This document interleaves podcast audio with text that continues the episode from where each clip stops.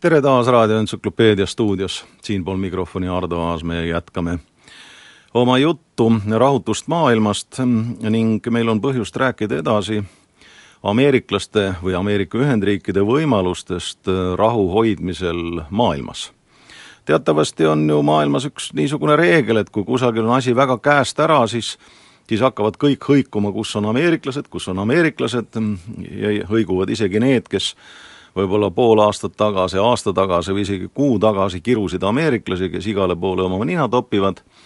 ja ameeriklased ongi selles mõttes sattunud teatud mõttes kahetisse olukorda, sest ähm, ühelt poolt nimetatakse neid ähm, või need, kes ameeriklasi ei armasta, maailma sandarmiks, teiselt poolt jällegi on neid, kes igatsevad sandarmite järele, kes korda looksid, ning äh, kui meil oli juttu Aafrikast, siis Aafrika puhul on ju selge, et ähm, Aafrika niisugune püüdlus või kutse on ikkagi Euroopa ja, ja mis siin salata, endiste koloniaalvalitsejate suunas. ja Euroopa Liit on siin mõnes mõttes päris abitu, sest Euroopa Liidul on küll oma välisasjade volinik, praegu on ta siis Catherine Ashton, aga kuna Euroopa Liit on ju mitte liitriik, vaid riikide liit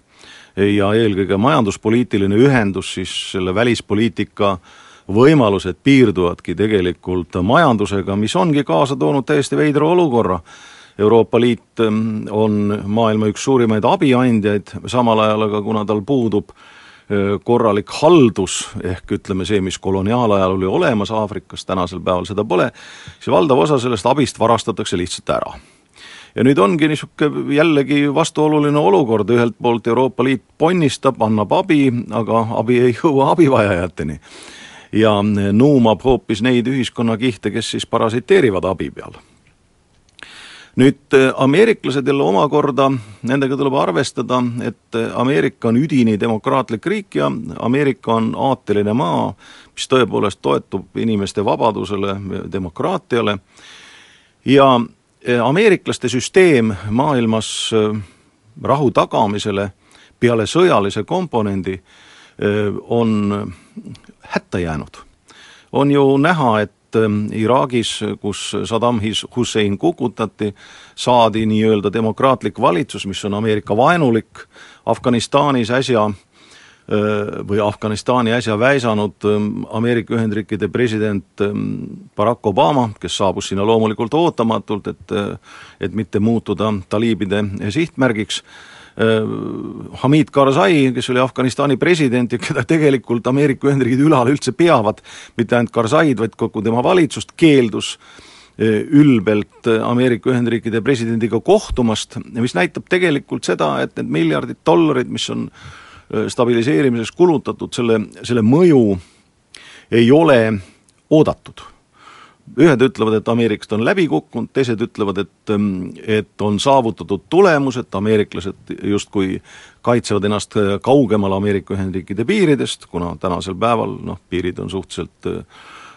õhkõrnad ja õhukesed, aga peamine selle juures on see, et ameeriklaste süsteem või arusaam asjadest, mis toetub inimeste vabale tahtele ja demokraatiale, toimivad ainult nendes ühiskondades, kus äh, heaolu on oluline. ehk äh, tegemist on heaoluühiskondadega. ameeriklaste kogemus pärast teist maailmasõda, kui nad andsid äh, Marshalli plaaniga abi Euroopale ja demokratiseerisid Lääne-Saksamaa, on ameeriklaste eneste jaoks muljetavaldav. Kuid nendes ühiskondades, kus rahvas ja inimesed ei teeni iseennast ja nendes ühiskondades, kus rahvas paneb raha kokku selleks, et riiki pidada, ja kus eesmärk on teenida valija huve, nendes ühiskondades ameeriklaste asjad toimivad. nüüd, kui me kujutame ette seda ühiskonda, kus inimeste eesmärk on teenida näiteks keisrit või jumalat, siis see süsteem ei hakka lihtsalt tööle.